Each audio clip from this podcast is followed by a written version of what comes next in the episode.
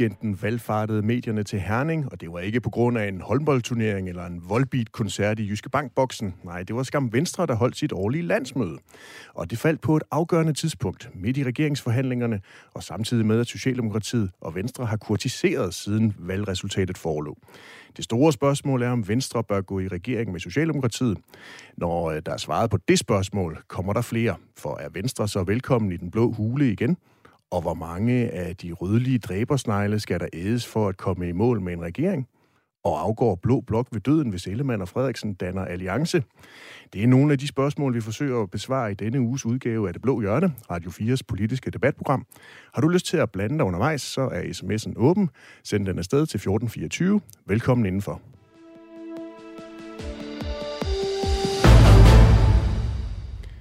Og som altid, så har vi samlet et flot, blåt panel. Peter Kofod, velkommen til. Mange tak. Og tillykke med pladsen i Folketinget. Tak for det. Det er næppe den store hemmelighed, at du ikke var helt tilfreds, da den tidligere formand for Dansk Folkeparti, Christian Thulsen Dahl, mente, at du skulle være partiets spidskandidat til Europaparlamentet og deporteres til Bruxelles. Nu er du tilbage i Folketinget. Er din arbejdsglæde vokset de seneste uger? Ja, man kan vel sige, at jeg aldrig helt så nåede at falde til rette i Europaparlamentet. Det var, det var ikke sådan et sted, hvor jeg kom til at trives, og hvor jeg var glad for folk, og de var glade for mig. Så øh, på mange måder så er det jo glædeligt at vende tilbage til Christiansborg. Det er en lyst, jeg har haft i over tre år, øh, og jeg har glædet mig meget, og jeg er meget, meget, meget tilfreds med at være tilbage. Det må jeg sige. Så jeg fornemmer et ja på spørgsmålet om, at din arbejdsglæde den er stedet. Ja, den er stedet betydeligt, ja. Især oven på det her kvantespring i karrieren ved at være med i det blå hjørne. Ja, det, var altså, sige. det er jo et det er jo... karrieremæssigt kvantespring. Altså der... det der med at blive gruppeformand, det er én ting, ikke? Men at være med i det blå hjørne, så ved man, så er vi helt op på, øh, på stigen. Det er stor kling. Ja. Og tusind tak til Inger Støjberg og Alex Vanderslag for også lige at bryde ind her i min øh, ellers så fine og planlagte præsentation af jer to. Inger Støjberg, velkommen ja, til, formand for, for Danmarksdemokraterne. Tak. Jeg har på Facebook kunne se, at du er godt træt af alt det palaver, der er om Katar ja. og VM i fodbold. Ja. Hvorfor det? Det er fordi, nu skal vi simpelthen se fodbold i fred. Altså, prøv at høre, det var en kæmpe fejl at placere øh, VM i Katar. Og det er det af en hel række årsager. Men nu er det gået i gang. Og så gider jeg simpelthen ikke at sidde og skamme mig hver eneste gang, at jeg skal se fodbold, og så sidde der bag nede rullede gardiner og sådan noget. Jeg vil simpelthen have lov til at se det fodbold i fred nu, og holde med landsholdet. Og det kan jo heller ikke nytte noget, at det skal være Christian Eriksen og, øh, og kompagni, der skal rende rundt os og være vores øh, udenrigspolitiske ambassadør øh, i Katar nu. Altså, lad dem nu spille det fodbold, og så øh, må vi... Altså, vi har haft 10 år til at tage den diskussion. Og så, så er det lige nu, bogstaveligt talt, kampen er flottet i gang. Og så skal jeg ellers love for, at vi skal diskutere armbind og alverdens ting, og, og hvad skal man, og hvad skal man ikke. Lad os nu se det fodbold i fred. Alex Vandomslag, politisk leder for Liberal Alliance. Velkommen til. Jeg har øh, kunne læse mig til her i dag, at øh, Liberal Alliance er et af seks partier i Folketinget, som meget gerne vil forsøge at presse regeringen til at tage en eller anden form for politisk standpunkt i den her sag omkring Katar. Er det ikke lidt for sent, I er øh, ved at, at rådte jer sammen? Altså, vi går tror, i gang med anden vi, runde i dag. Vi, øh, vi meldte ud for længe siden, jeg tror det var i starten af året, at vi mente, at øh, kongehuset og regeringen skulle blive væk fysisk fra øh, Katar. Og så er det, jeg spurgte, om I stadig mener det, så ja, ja, det gør vi da. Øh, men ellers så har jeg det lidt ligesom Inger. Sådan et, nu er stævnet i gang. Lad os nu bare se noget fodbold. Øh, og lad os lade være med at håbe på alt for meget protest, fordi vi kan jo tydeligt se, det landshold, vi har nu, altså, øh, vi må i hvert fald håbe, det går bedre på banen, end det gør med at stå, stå fast på, øh, på, på, på, på, på protester, fordi ellers så ryger vi da i hvert fald ud her i gruppespil allerede. Hvordan det? Hvordan kan du tolke det? Nå, men det der med uh, uha, og det hele er forfærdeligt og sådan noget, men hvis uh, Simon, Simon Kjær kan få et gult kort, ja, ja, så, så er det ikke så vigtigt det der med homoseksuelle rettigheder alligevel. Så, det, så skulle I lade være med at begynde på det fra en start. Og jeg, jeg, jeg, jeg har fået det ligesom, lad os nu bare se noget fodbold. Jeg synes, det er skrækkeligt, det er placeret dernede. Og jeg synes også godt, man kunne have gjort mere op til, for, for at, signalere over for FIFA, at vi gider altså ikke have, at de skal placere stævner i sådan nogle halve diktaturstater.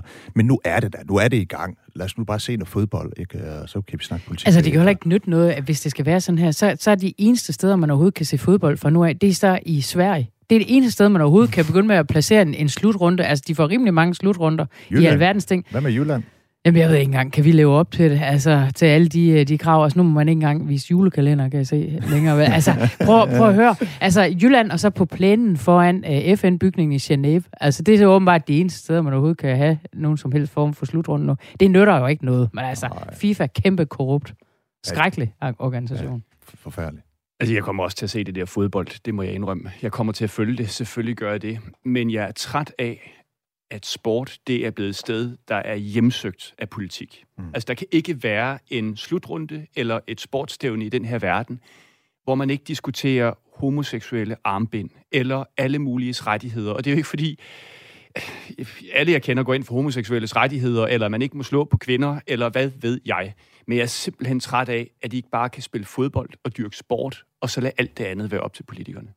Jeg havde jo egentlig planlagt, at vi skulle snakke øh, SV-regering og hvordan øh, Liberale Alliances øh, formand, og for den sags skyld også Dansk Folkepartis øh, gruppeformand, ifølge Inger Støjberg, sidder på skødet af Mette Frederiksen ved de her øh, forhandlinger. Og det kommer vi også til. Men inden øh, vi kommer dertil, så øh, er der jo kommet en historie her til formiddag om, at øh, TV2 har valgt at øh, pille den ene af de fire sæsoner af alle tiders øh, julemand, tror jeg den hedder, eller julekalender ud af, øh, af deres øh, TV2 Play app.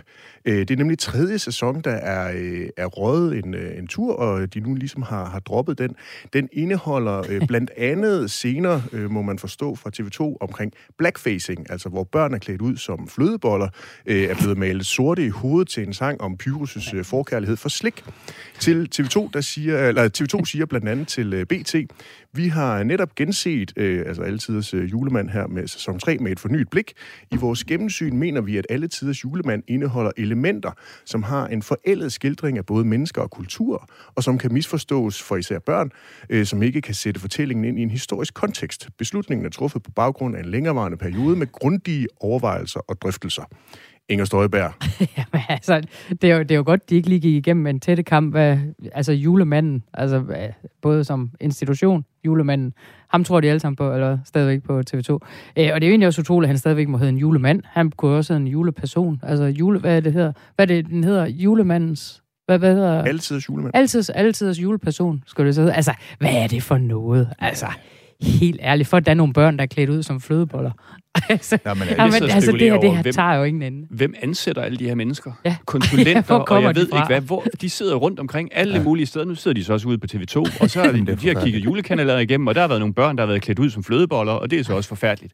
Hold nu kæft. Altså, det er jo fuldstændig vanvittigt. Det, det er jo sådan en identitetspolitisk kogalskab som, som inficerer alt for mange hjerner, og det er en sygdom, der starter ved at gå for længe på universitetet. Altså, jeg begynder at blive sådan helt Mette frederiksen det siger, jamen vi skal sgu gøre noget, med, noget for, at færre kommer på universitetet, ikke? Fordi hvis det er, at de alle sammen render rundt og bliver sådan nogle woke-kriger, der skal ind og finde pseudo-arbejde på alle mulige tv-kanaler og blade, og så cancel alting, der kan misforstås. Altså, øh, jeg ved ikke, hvordan fik vi bukt med kogalskaben? Det, det, der skal ja, det, noget... det, det, det, det ved jeg godt. Det var, det var lidt hårdhændet, man ja. gjorde det. ja, okay. Jamen, det kan godt være, at øh, jeg skal drage en anden parallel. De, de, fik, skal, ja, ja, de fik dog kompensation, men, men, og, høre, og grundloven var ja, med. Ja, ja. borgerlige politikere, er det ikke helt okay, at man ligesom begynder at gense nogle af de ting, der er lavet i, i en anden tid, og så finde ud af, om det passer ind til den øh, måde, vi taler om tingene på i dag? Men det er jo netop lavet i en anden tid. Det her. Ja. Altså, det er jo netop lavet i en anden tid. Det er jo blottet for al fornuft og proportionalitet. Altså, det er jo bare åndssvagt. Stop. det er jo en galskab inde i hjernen. Men altså, hvorfor er det, at, øh, hvorfor er det ikke okay, at man siger, det her er simpelthen noget, som vi ikke mener svarer til den tid, vi, vi lever i. Det er lavet for mange, mange, mange år siden. Nu øh, piller vi det lige af, så det er, at der ikke kommer alle mulige øh, mærkelige ting ud på, øh, på Men vores det, det handler om, det handler jo ikke om, tror jeg, det er jo ikke noget, jeg ved med sikkerhed. Min bekymring er, at det ikke handler om, at de tænker, uha, hvis vi øh, viser noget med, at de har malet sig lidt sort i hovedet, så, så, så, så, så sætter vi øh, ild til en spirende racisme blandt ungdommen. Nej, det det handler om, det er, at de er bange for at få en eller anden shitstorm på Twitter. Og så tager de sådan en beslutning, og så spiller de heldig på den. Og så får de den nu på Facebook. Det kan godt være Twitter. Det er, ja, ja, ja. Det er simpelthen så rødt, ikke også? Så ja, men Facebook det er, er også forfærdeligt. Er jeg også fordi, fordi Facebook, det er blevet sådan et sted, hvor man så er, er krænket over dem, der er krænket. Altså, det er jo lige så forfærdeligt, og en noget, øh, nu ved jeg godt, at jeg selv sidder og er lidt krænket over det, men altså, hold nu. Altså, sociale medier, det er virkelig ved at blive noget bras. Med venlig hilsen, TikTok-kongen. Ja. ja, ja, ja. Vandopslag, kolon, raser raser. Der er allerede en lytter, der har skrevet ind til os på 1424. Goddag, jeg håber ikke, at Alex får øh, så meget voksenskæld ud i dag af Inger Støjberg. Det er en reference til sidste uges udgave af øh, Det Blå Hjørne, og lad os lige øh, dykke ned i noget af det, vi også diskuterede i, i sidste uge, fordi der er jo stadigvæk øh, raballer i øh, Blå Blok.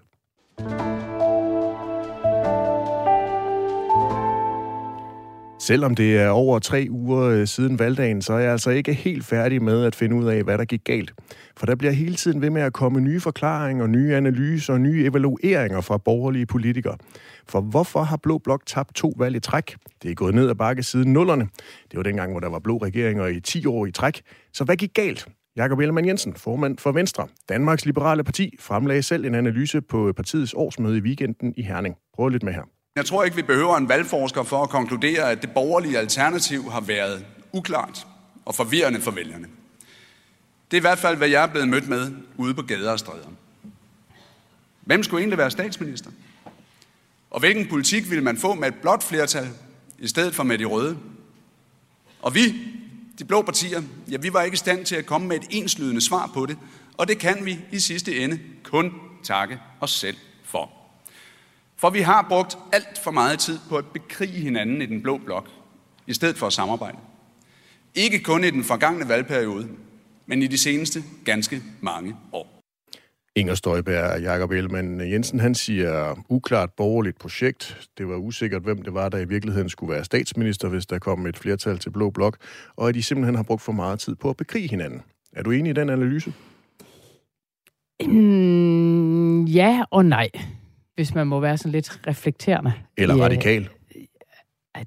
Ej, okay, skal vi ikke tale pænt til hinanden? Var der ikke noget med, at, øh, at vi ikke måtte lave voksenskæld ud? Ja. Og så blive kaldt radikal, det går nok slemt sådan en fredag. Uha, Det skal- sikkert, sikkert en weekend, jeg går imod. Hvordan kan det være ja eller nej? Jamen, det kan det, øh, sådan så, at øh, altså, jeg synes i hvert fald nu, hvis man begynder med ligesom at rende fra det blå fælles projekt, fordi der er jo en kæmpe stor blå fællesmængde.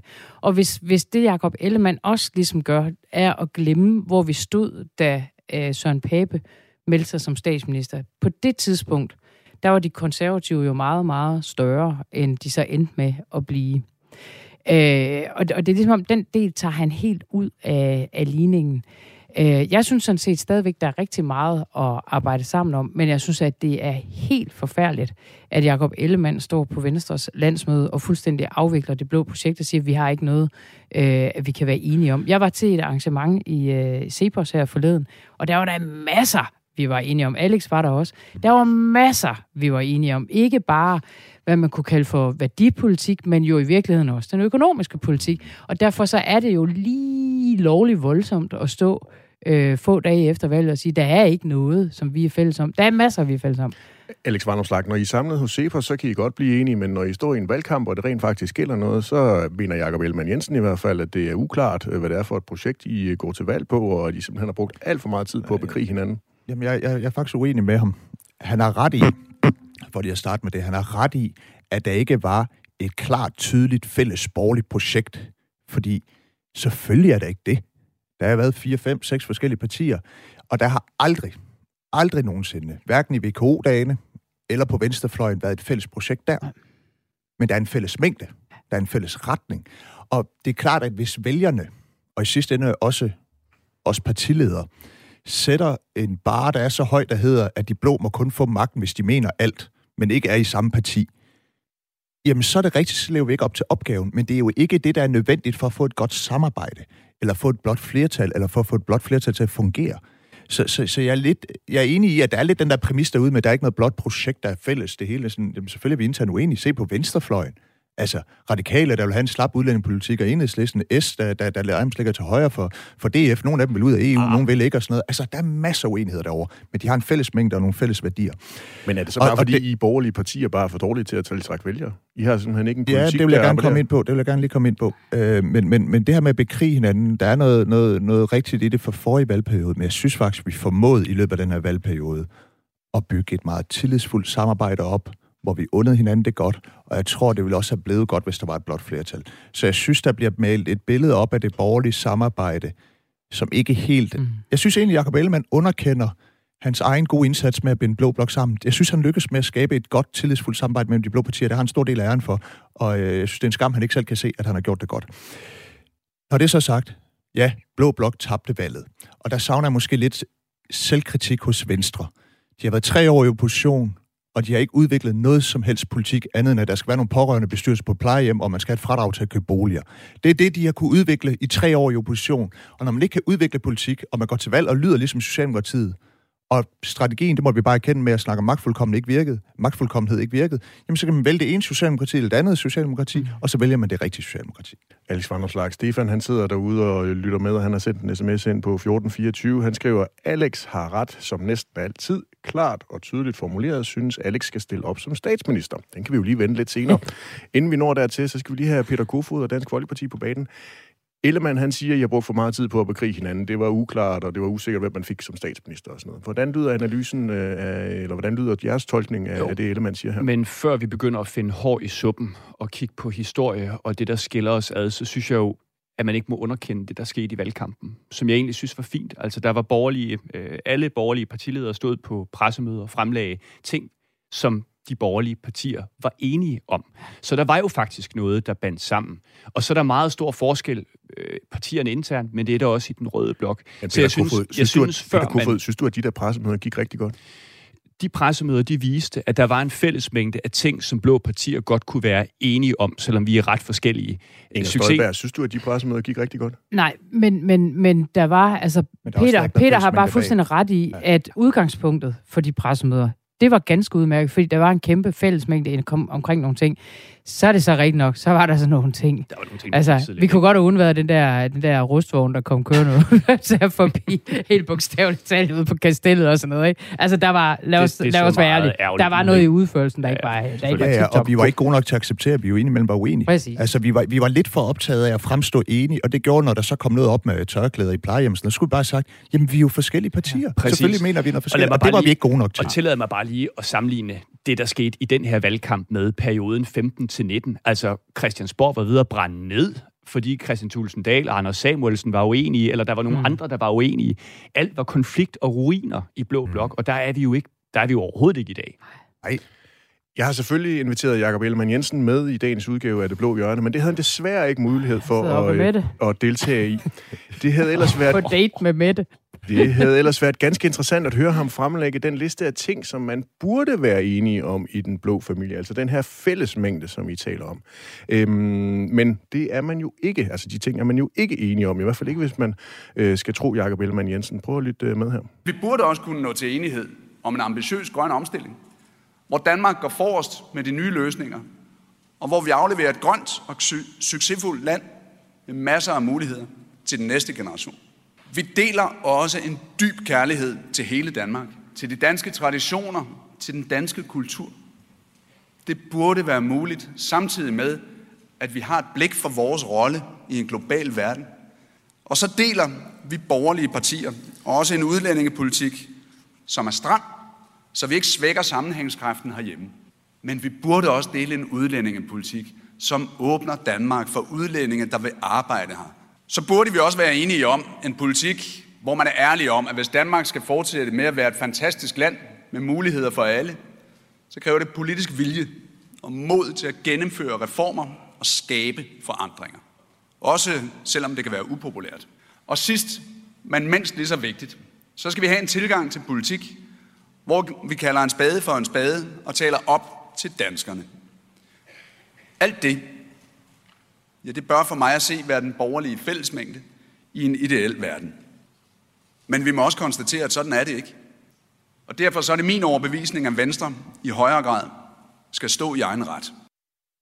Alex Vanopslag, du har siddet og rystet på hovedet og slået det, ud med armene, ja, men det bliver, det. Jeg, jeg, bliver, jeg kan faktisk mærke, at jeg bliver sådan lidt provokeret af det der, det der, han siger, fordi jeg er jo enig i al substansen i det. Men, men altså, lad, lad os lige tage bare, bare lige tre af dem. Vi burde kunne blive enige om mere udlandsk arbejdskraft alle blå partier vil have mere udlandsk arbejdskraft, undtagen DF. Alle blå partier. Hvem er det, der blokerer for det? Det er S og SF, som han nu søger sig regeringssamarbejde med. Altså, det giver ingen mening. Det er jo en fællesmængde i blå blok. Der er et parti, der er skeptisk over for det. Vi burde kunne blive enige om at lave reformer. Men det er alle blå partier enige om. Modsat S og SF, som han søger samarbejde med nu. Og så er der jo så det her med, med den internationale rolle. Der er der nogle reelle uenigheder, men det, der er interessant, det er det, han siger i starten. Vi deler alle sammen en kærlighed til vores kultur, vores værdier, vores historie. Jamen, hvorfor er det så aldrig, at man hører Venstre tale om dannelse, national sammenhængskraft, mm, den ja. der grundvigianske tilgang, som, som Venstre er bygget på, den har de jo droppet. Det er blevet et åndløst parti. Så jeg har sådan et, kig nu lidt indad. Peter Kofod, øh, Alex Vangenslag siger, at alle de blå partier kan blive enige om reformer. Kan Dansk Folkeparti også øh, blive med de andre borgerlige partier om reformer? Jeg er utrolig glad for det sidste, Alexen siger, fordi det har jeg så meget savnet, at Venstre meldte sig ind i den debat, at det ikke kun var Cepos Venstre, eller Handelsskole Venstre, eller Verdensmåls Venstre, vi hører, men at det var Højskole Venstre, at vi kom til at høre noget mere til. Og det håber jeg da, at vi alle man sætter sig op på den høje hest. Det håber jeg da, at det Venstre, vi ser, melde ind i det politiske arbejde Men nu. Peter Kofod, reformer. Ellers er der jo LA. Ref... Der er altid LA, Alex Van ja, ja. Reformerne, Peter Kofod. Mm. Kan I blive enige med Liberal Alliance og Venstre og Konservative om reformer? Jamen, prøv at høre her. Vi er jo forskellige partier, og Alex udpenslede jo, nu gider jeg ikke citere Liberal Alliance mere, eller øh, lige nu ah. i hvert fald, men, men sagen er bare, er vi jo forskellige partier. Og lige præcis når det kommer til indvandring af arbejdskraft, så har vi så nogle andre holdninger end de andre blå partier. Der deler vi måske noget med Socialdemokraterne og SF. Men reformer, Men det, det kunne jo også ikke... være en reform af SU-systemet, det kunne det være en reform af kontanthjælpssystemet, det, det, kunne sagtens af alle være, det kunne sagtens være en reform af SU-systemet. Det tror jeg da godt, vi kunne kigge på. Men altså, det, det, det er jo ikke, fordi jeg tjekker ud af det her. Bare et kort spørgsmål. Hvad er din pointe? Altså, Enhedslisten og radikal kan ikke enes som reformer. Betyder det så, at der ikke er nogen rød blok? Altså, Men det, Alex, det, det, er jo... Alex Vanderslag, der vil jeg opfordre dig til at lytte til Radio 4 og Avisen Danmarks øh, debatprogram, der hedder Det Røde Hjørne, hvor vi dyrker, hvad det er, man kan blive enige om. Nå, nej, nej, men fordi, du opsætter et kriterie for, for at blå blok kan eksistere, så skal vi være enige om alt på reformer. Hvorfor gælder det kriterie ikke rød blok? Altså, jeg synes, vi begynder at sætte en bare, der... Hvis vi accepterer den bare, så kommer der aldrig nogen blå blok, jo. Alex Vanderslag, mandag 11.05, der tager vi det med de røde. Inger Støjberg, Alex Vanderslag siger, at I godt kan blive enige om reformer i blå blok. Ja, jamen det, det kan vi da også øh, langt hen ad vejen. Øh, så er det da rigtig nok, at der er der nogle ting, man skal, man skal diskutere. Altså ellers har vi også slået os sammen til at være et stort blåt parti, og det, det er jo selv sagt ikke øh, sket, og det kommer heller ikke til at ske. Men, men altså, da jeg hørte øh, Jakob Ellemands tale, og lige præcis den sekvens der, så havde jeg sådan lidt fornemmelsen af at stå og høre på sådan en øh, ægte mand, der er ved at, at flytte over til elskerinden, der siger til konen, prøv at høre, vi burde simpelthen kunne være enige om, at vi skulle betale vores regninger. Vi burde kunne være enige om, at børnene skulle opdrages ordentligt. Vi burde også være enige om, at der skulle være mad på bordet hver eneste aften. Det er tre ting, som de er enige om, og det her er jo også noget, som vi er enige om. Men, men øh, man vil bare hellere over til elskerinden en, en lille tur, ikke? Øh, og nu har han så været der i 14 dage, så det bliver spændende at se, hvordan det kommer til at gå. Også hvis han vender tilbage. Altså, det bliver godt nok også øh, spændende. Sådan, hej, jeg har lige haft 14 dage sammen med elskerinden. Øh, jeg vender lige tilbage. Skal vi ikke holde jul sammen? Og vi tager lige en snak om, øh, hvordan det vil komme til at se ud, når Ellemann, hvis han vender tilbage øh, lidt senere i programmet. Vi skal lige høre en enkelt øh, bid mere fra Ellemanns tale i lørdags. Prøv lidt med her. På mit skrivebord på Christiansborg, der hænger der en slidt gul post-it-seddel med ordene Danmark, Venstre, regeringen, Jakob. Ordene står i den rækkefølge, og rækkefølgen er ikke helt tilfældig. Den hænger der for at minde mig om, hvad der er vigtigt som politiker. Det er sådan en slags daglig påmindelse om, at verden ikke altid drejer sig om mig. Men at virke som politiker, det handler om at være en del af noget større, en del af noget vigtigere, og om at bidrage til det. Det er en påmeldelse om, at mit parti, det kommer før mig selv, og at mit land altid kommer først. Også før personlige ambitioner. Inger Støjberg, kan du tilslutte dig øh, den rækkefølge, Jacob Ellemann han læste op her? Eller var det for Danmarks skyld, at du ikke længere skulle være i Venstre og stifte dit eget parti? Jeg kan i hvert fald sige så meget, jeg behøver ikke en postet til at hænge øh, om, at det er Danmark først. Altså, jeg behøver simpelthen ikke at blive mindet om, at øh, vi skal gøre noget godt for Danmark, og at Danmark, det er udgangspunktet for os. Det, det må jeg bare sige. Men du var jo alligevel nødt til at gå ud af partiet og stifte Jo, men når man hører talen der fra Jakob Ellemann, så forstår man måske i virkeligheden godt, hvorfor jeg ikke er i Venstre mere. Peter Kofod, er det et problem i Blå Blok med politikere, der sætter personlige ambitioner før alt andet? Der, der er jo den mulighed, der er for at stifte partier, og det kan man jo så øh, benytte sig af at gøre. Det er jo så i sidste ende op, op til vælgerne at, at bestemme og sammensætte Folketinget, så det kommer jeg ikke til at, at tude over eller lave om på, eller gøre alt muligt andet ved. Alex Vanderslag, samme spørgsmål til dig. Er det et problem i Blå Blok med politikere, der sætter personlige ambitioner før alt andet? Ja, selvfølgelig. Og øh, øh jeg kunne faktisk godt lide den del af Ellemanns tale. Altså, og jeg tror, at det er en post vi alle sammen vil have gavn af at hængende forstået på den måde. Altså lad os nu bare sige det, som det er. Det præger jo generelt politik, at spænde og taktik og Christiansborg fnider og personlige ambitioner nogle gange står i vejen for det, som jo nok er det bedste for Danmark. Altså, det, det, det, der er jo nogle uheldige dynamikker på Christiansborg, som vi alle sammen kan blive påvirket af. Og altså, kom ikke at sige, at vi ikke, de fleste herinde ikke synes, at Mette Frederiksen er en, der nærmest vil være statsminister for enhver pris. Altså, lidt, måske ville det være godt, hvis hun havde sådan en sædel hængende. Så jeg synes faktisk, den del, jeg synes, der er noget i, at, at det tror jeg, det er noget, alle sammen, det, det, det er noget, vi alle sammen vil have godt af at blive mindet om. Jeg, jeg kunne godt lide den del af, det, af talen. Hvilke borgerlige politikere synes du sætter deres personlige ambitioner først? Der er lidt tavst Ja, men det, det, det ved jeg ikke helt om... om øh, Nå, men det, nu har du jo sagt, du, du sagde jo, du godt kunne genkende den her del, jamen, jeg, så kunne det jo være lækkert, hvis du ville gøre det lidt konkret. Jeg, jeg, jeg, sagde, jeg sagde, at jeg tror, at generelt på Christiansborg kan man jo indimellem godt se tendenser til, at der er nogen, der sætter deres partis ved og vel over, hvad der er bedst for Danmark. Hvem gør det? Øh, har du nogle, jamen, der, der er partier, som... Jamen, lad mig da bare tage øh, sidste valgperiode. Socialdemokratiet kunne da godt se, at den var helt galt med Mink-sagen, men de lød som om, at det bare var et, et brudt et badekar. Det var lidt ligegyldigt, fordi det gavnede deres parti. Altså, men det er da bare et eksempel. Øh, Enhedslisten, der, der mener, at Inger Støjberg skal i fængsel, når hun bryder loven, men uh, Mette Frederiksen, det gør ikke noget. Det er da fordi, de sætter deres egne hensyn over deres principper og hvad der er rigtigt for landet. Så der er jo masser af eksempler på det der. Så jeg synes at det er da bare godt, hvis vi alle sammen kan blive mindet om det der. Er det eksempel af Blå Blok? Jamen, man kan sikkert godt finde nogen. Altså... Inger Støjberg?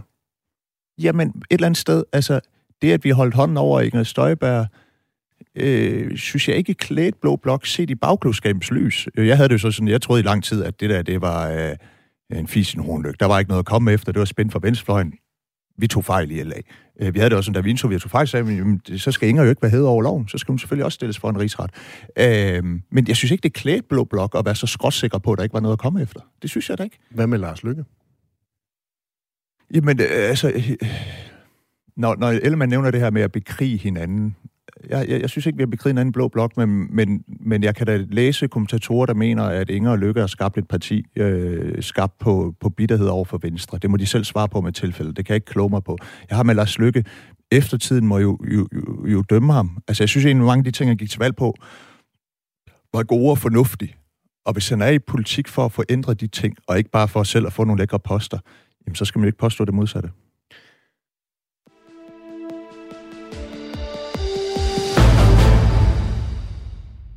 Du lytter til Det Blå Hjørne på Radio 4. Mit navn er Kasper Dahl, og overfor der sidder der et øh, blåt panel bestående af Alex Vandopslag, Inger Støjberg og Peter Kofod.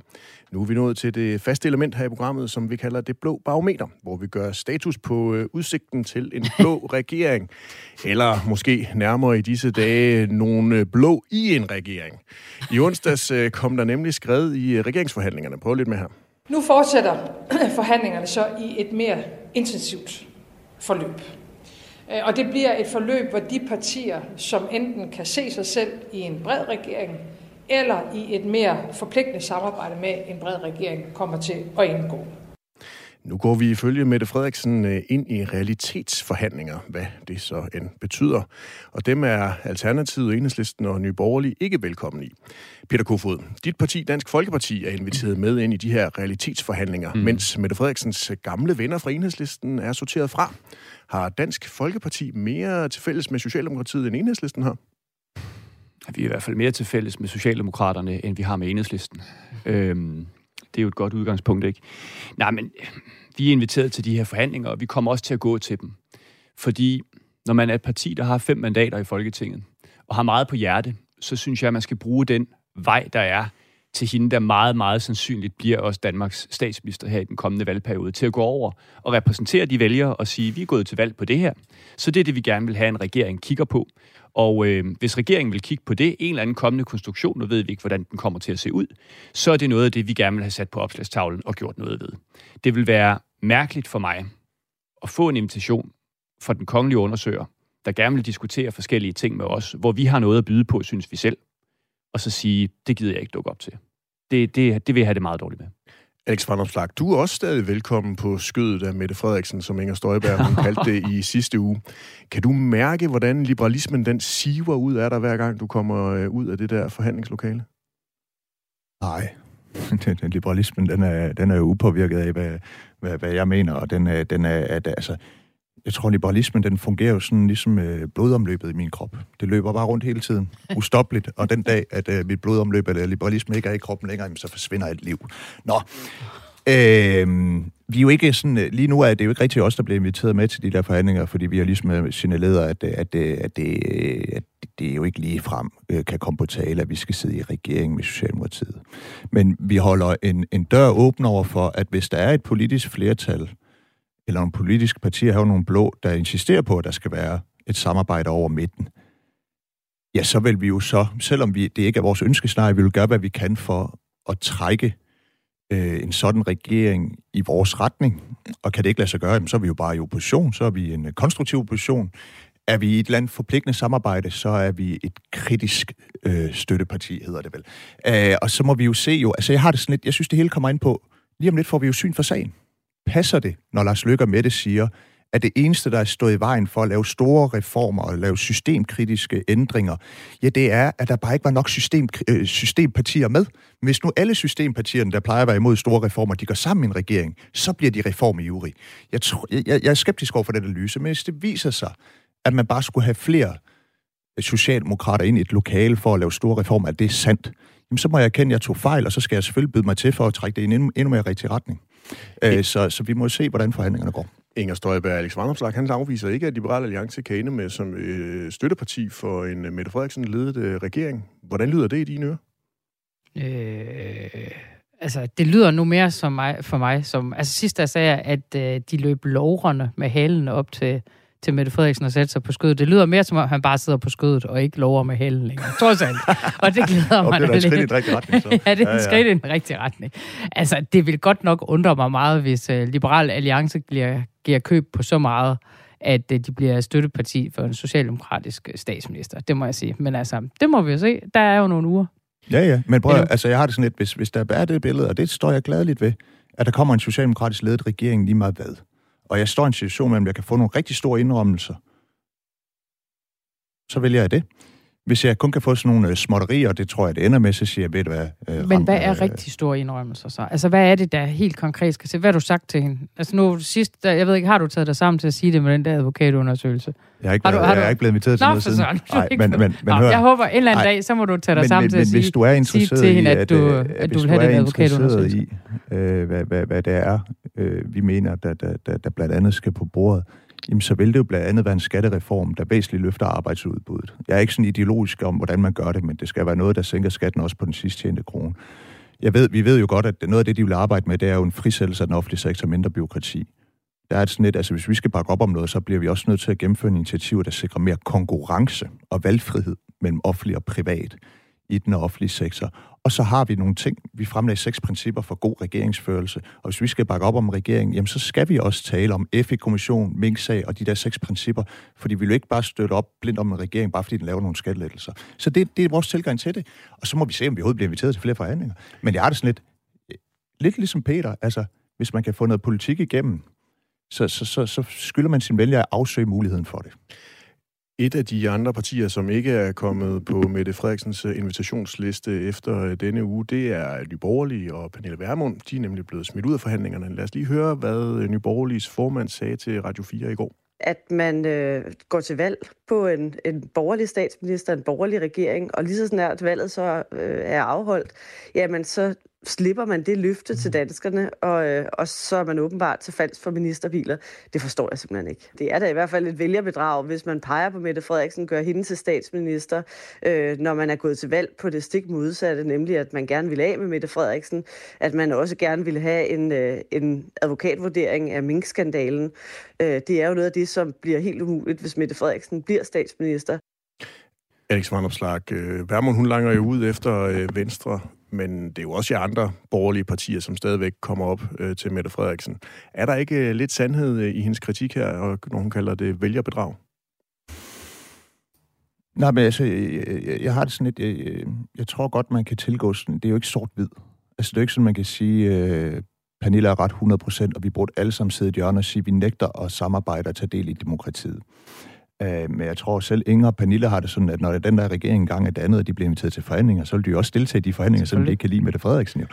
Øh, så, så det er jo ikke helt så, øh, så, så, så sort-hvidt, men jeg har det sådan lidt, der er jo et element af, må jeg ikke bare lige svare på, der er et element af, at hvis man er med til at gøre Mette Frederiksen statsminister, eller vildere end det, at man sætter sig ind i de samme ministerbiler, så mener jeg også, at de indrømmelser, man får der, de skal være væsentligt højere, end det, man kunne få ved bare at være almindelig konstruktiv opposition. Så hun har en pointe i, at, at det, er jo ikke, det er jo ikke ligegyldigt. Men omvendt så har det sådan lidt, det kan, jo ikke, det kan jo ikke være sådan, at man siger, man går til valg på et, og så kan man se, at man ikke kan få det at så går man ikke efter det næstbedste. Altså, det, det synes jeg er jo ulogisk. Alex Van Opslag, bare lige for at øh, friske din hukommelse op, det er jo altså den magtfuldkommende, minkdræbende Mette Frederiksen, hende, der knægter retsstaten. Mm. Er du klar til at gøre hende til statsminister? Eller være med til det? Nej. Men hvorfor tropper du så stadigvæk op til de forhandlinger? Fordi det kan være, at vi kan få nogle ting igennem, der, der, der, der gør os mere betrygge i, at hun ikke er så magtfuldkommen, og vi får mere liberal politik igennem. Altså, det, det, det er meget simpelt. Og så vasker du også tavlen ren, ligesom Mette Frederiksen hun gør? Så er det okay, alt det, hun har lavet i fortiden?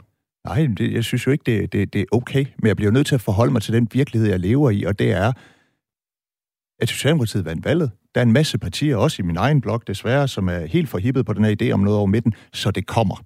Og så skal jeg jo finde ud af, hvordan kan jeg sikre mest indflydelse til mine vælgere, uden at vi sådan fuldstændig uh, giver køb på alt, hvad vi står for. Og det er jo en balance. Og jeg har det sådan lidt, det er en svær balance. Og, der, det, og det, man skal finde den rette balance.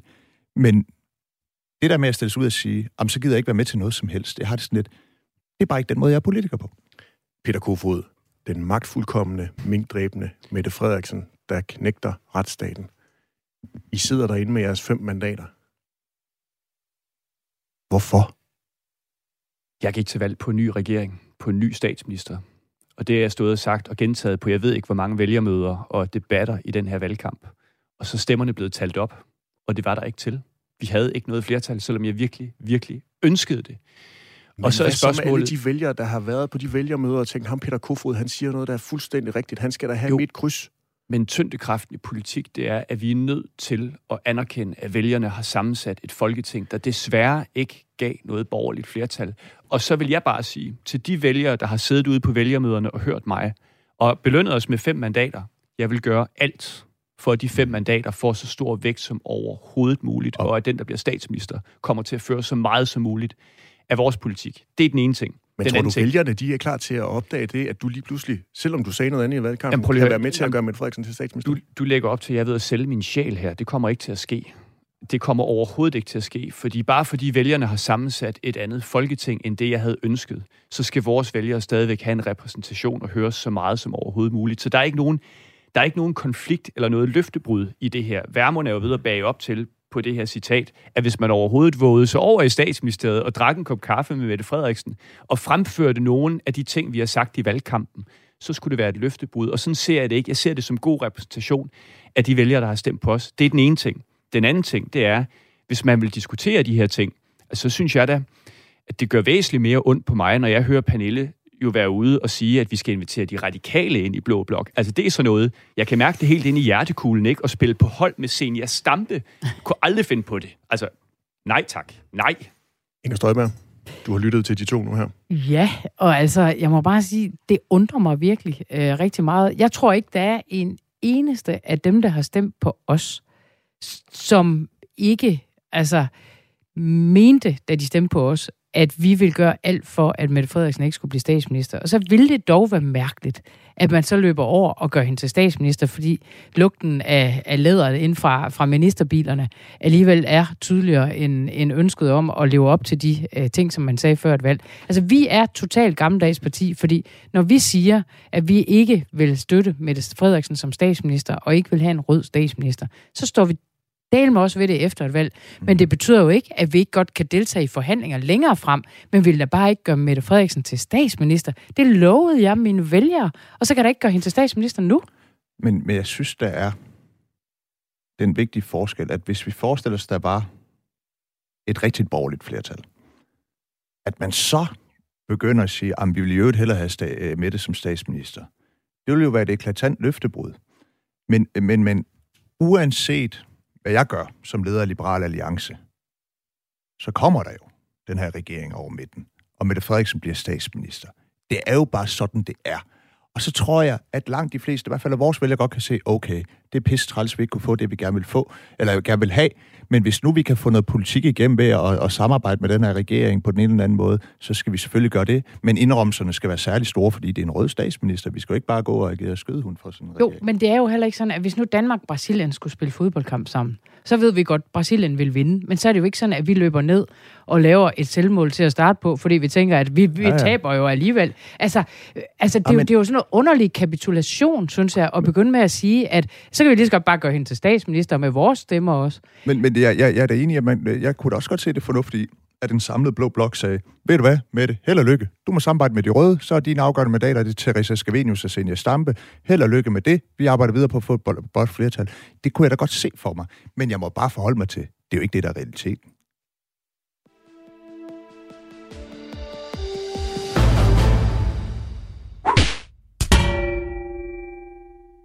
I iler videre til af vores faste indslag i øh, det blå hjørne, nemlig uddelingen af ugens blå mærker fra mine debattører. Alex Vandomslag, hvem har begået en brøler, der fortjener et blåt mærke i denne uge? Altså, jeg synes jo, det er svært for tiden, for der er ikke så meget gang i det politiske. Så der er ikke så mange, der dummer sig, fordi de fleste bare går ind og ud af et forhandlingslokale uden at sige noget. Så jeg, jeg, jeg giver den til Christian Klarskov fra Moderaterne for øh, alt hans øh, CV-fusk. Jeg har det sådan lidt, øh, hvis du er sådan en svindler, øh, og du har sluppet afsted med det indtil videre, så burde du kunne tænke dig så langt, at når du bliver folketingsmedlem, så, så går det jo ikke at være sådan Burde han være blevet så? led. Ja. I Folketinget. Ja. Og han får den for at være en, en klovn, der ikke har styr på sit CV, og en fusker. Ja. Peter Kofod, hvem skal have ugens blå mærke? Det skal Pernille Vermund. Hvorfor? Og det er, fordi hun vil have Senior Stampe med i Blå Blok. Og det vil jeg bare sige, det, det vil jeg aldrig nogensinde have. Altså, jeg kan simpelthen ikke være på hold med de radikale. Det er hovedfjenden. Det er...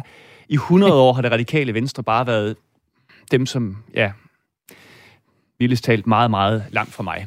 Så hvis man inviterer dem ind i hulen, så vil jeg bare sige, så, så falder alt jo fra hinanden. Det kan jeg slet ikke se for mig. Så det bliver et ordentligt blåt mærke, en ordentlig lammer. Inger Støjberg, hvem er værdig til øh, dit og Danmarksdemokraternes øh, blå mærke i denne uge? Det er Jacob Ellemann. Hvorfor? Øh, jamen, det er han for den tale, han holdt øh, på Venstres landsmøde. Altså, det er jo en mand, der for ganske få uger siden stod og sagde, at han både var, at han var et bud på en borgerlig statsminister, blot sammenhold og et blot projekt og sådan noget. Så stiller han sig op på en talerstol 14 dage efter valget og siger, at der er overhovedet ikke noget at samarbejde om. Jeg kapitulerer, jeg går over til elskerinden. Hej, hej. Altså, mm. hvis ikke det kræver et blåt mærke, så ved jeg ikke. Alex Vandomslag, du ligner en, der fortryder. Ja, nej, men både over, for jeg har det sådan lidt, jamen så må vi jo se. Lad os se, hvor meget borgerlig politik de får igennem. Udfordringen for Venstre, det er jo, at de skal jo finde på noget ny politik, fordi hvis de bare kræver det, de har fået i valgkampen, altså forestil dig, de sidder inde ved med og siger, vi vil kun have skattelettelser i bunden. Ah, må ikke hun kan give dem det. Vi insisterer på, at det offentlige forbrug skal stige med det demografiske træk. Ja, ja. Vi insisterer på at lave et reformråd, der kommer med anbefalinger, vi ikke har tænkt os at følge. Altså, de bliver nødt til at kigge på de andre blå partier og sige, vi bliver nødt til at tage noget af deres politik og få igennem. Og hvis ikke de får noget reelt borgerlig politik igennem ved at gå ind over midt med Socialdemokratiet, Jamen, så er den eneste konsekvens jo bare, at de svækker den borgerlige blok, uden at styrke den borgerlige politik. Øhm, men lad os se. Hvis de får en masse borgerlig politik igennem, så kan jeg godt være tilbøjelig til at sige, okay, måske øh, var det for en bedre sag, men øh, lad os nu se.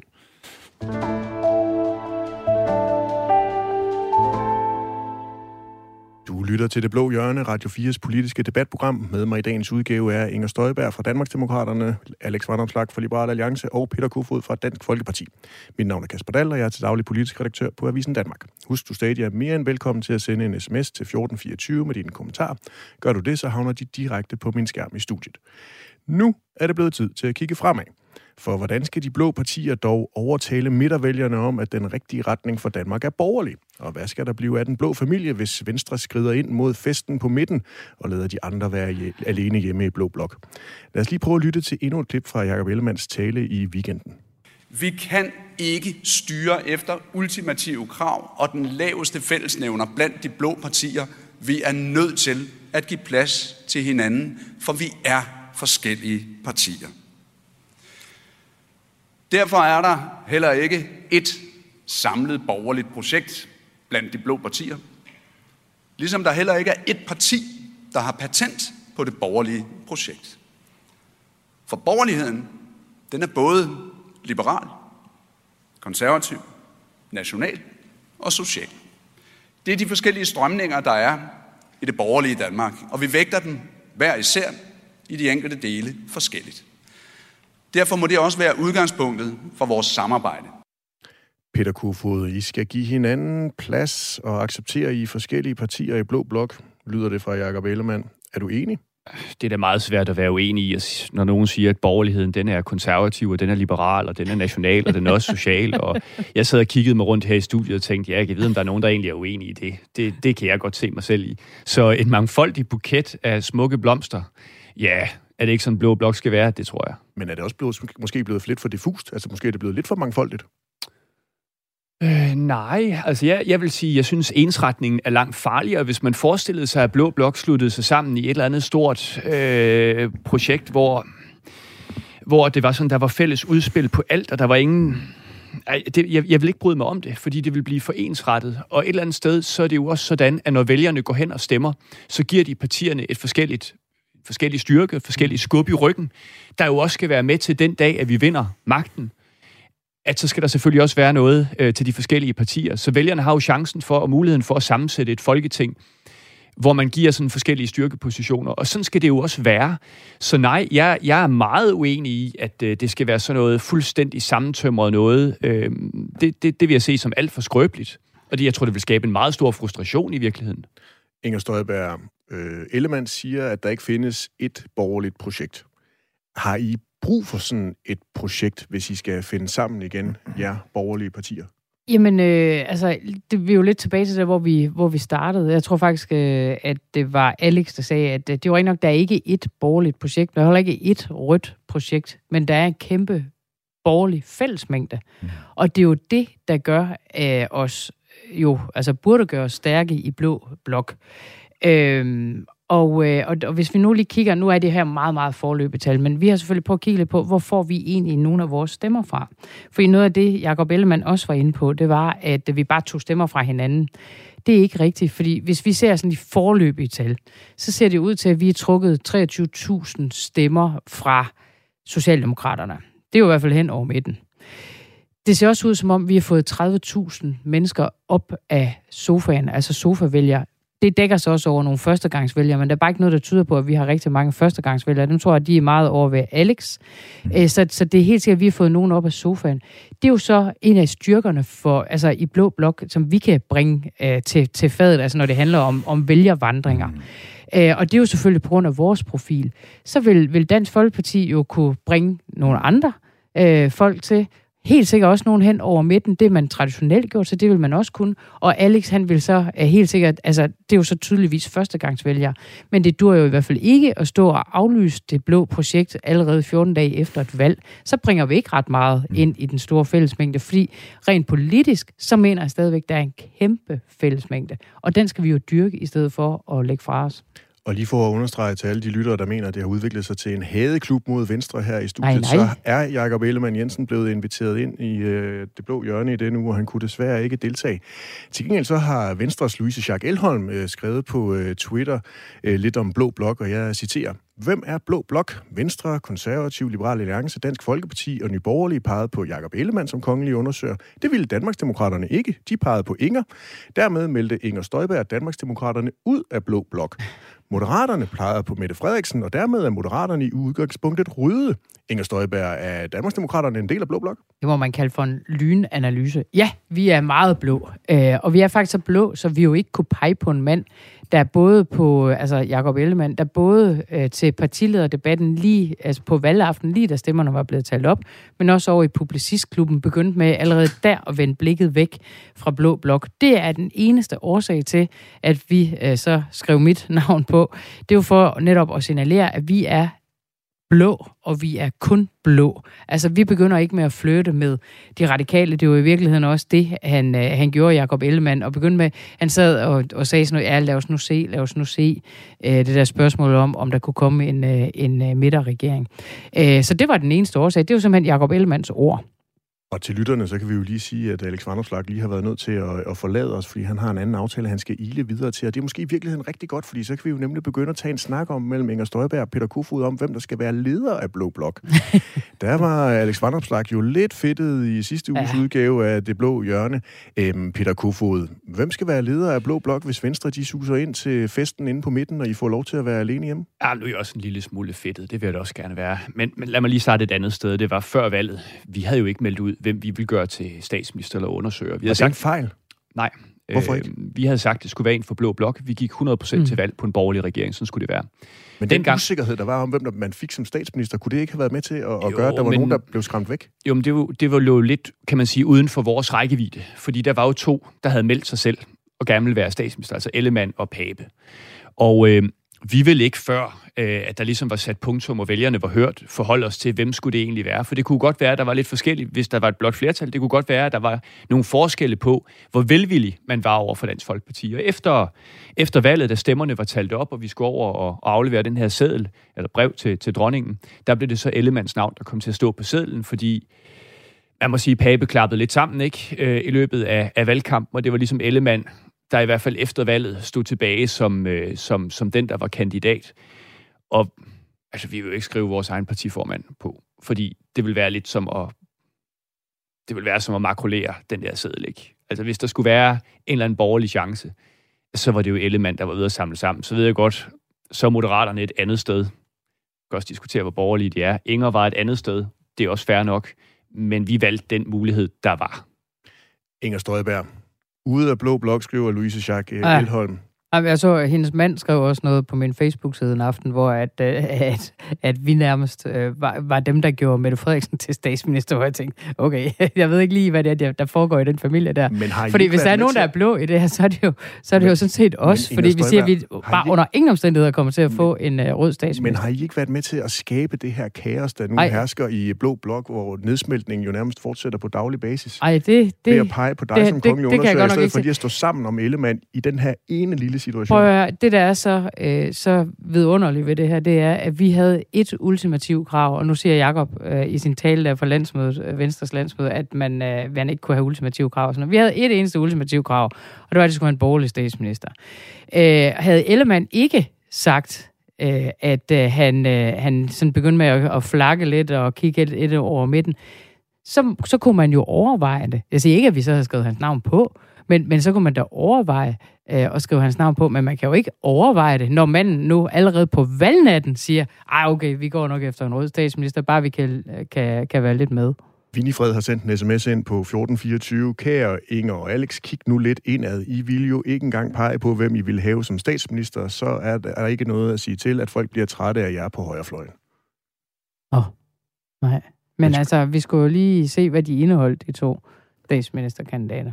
Og det har I jo nu fået øh, indsigt i. Peter Kofod, tilbage til det spørgsmål, som du ikke ville svare på sidst, jeg stillede det. Hvem skal være den nye leder af Blå Blok, hvis Venstre de suser ind til festen på midten, og I får lov til at være alene hjemme? Det må vi jo se, når vi når til det, hvis der bliver dannet regering på den her side af jul, og med hvem det bliver. Og du spørger mig om, om et spørgsmål, der kan gå, hvor svaret kan gå i så mange retninger her ja. de næste uger.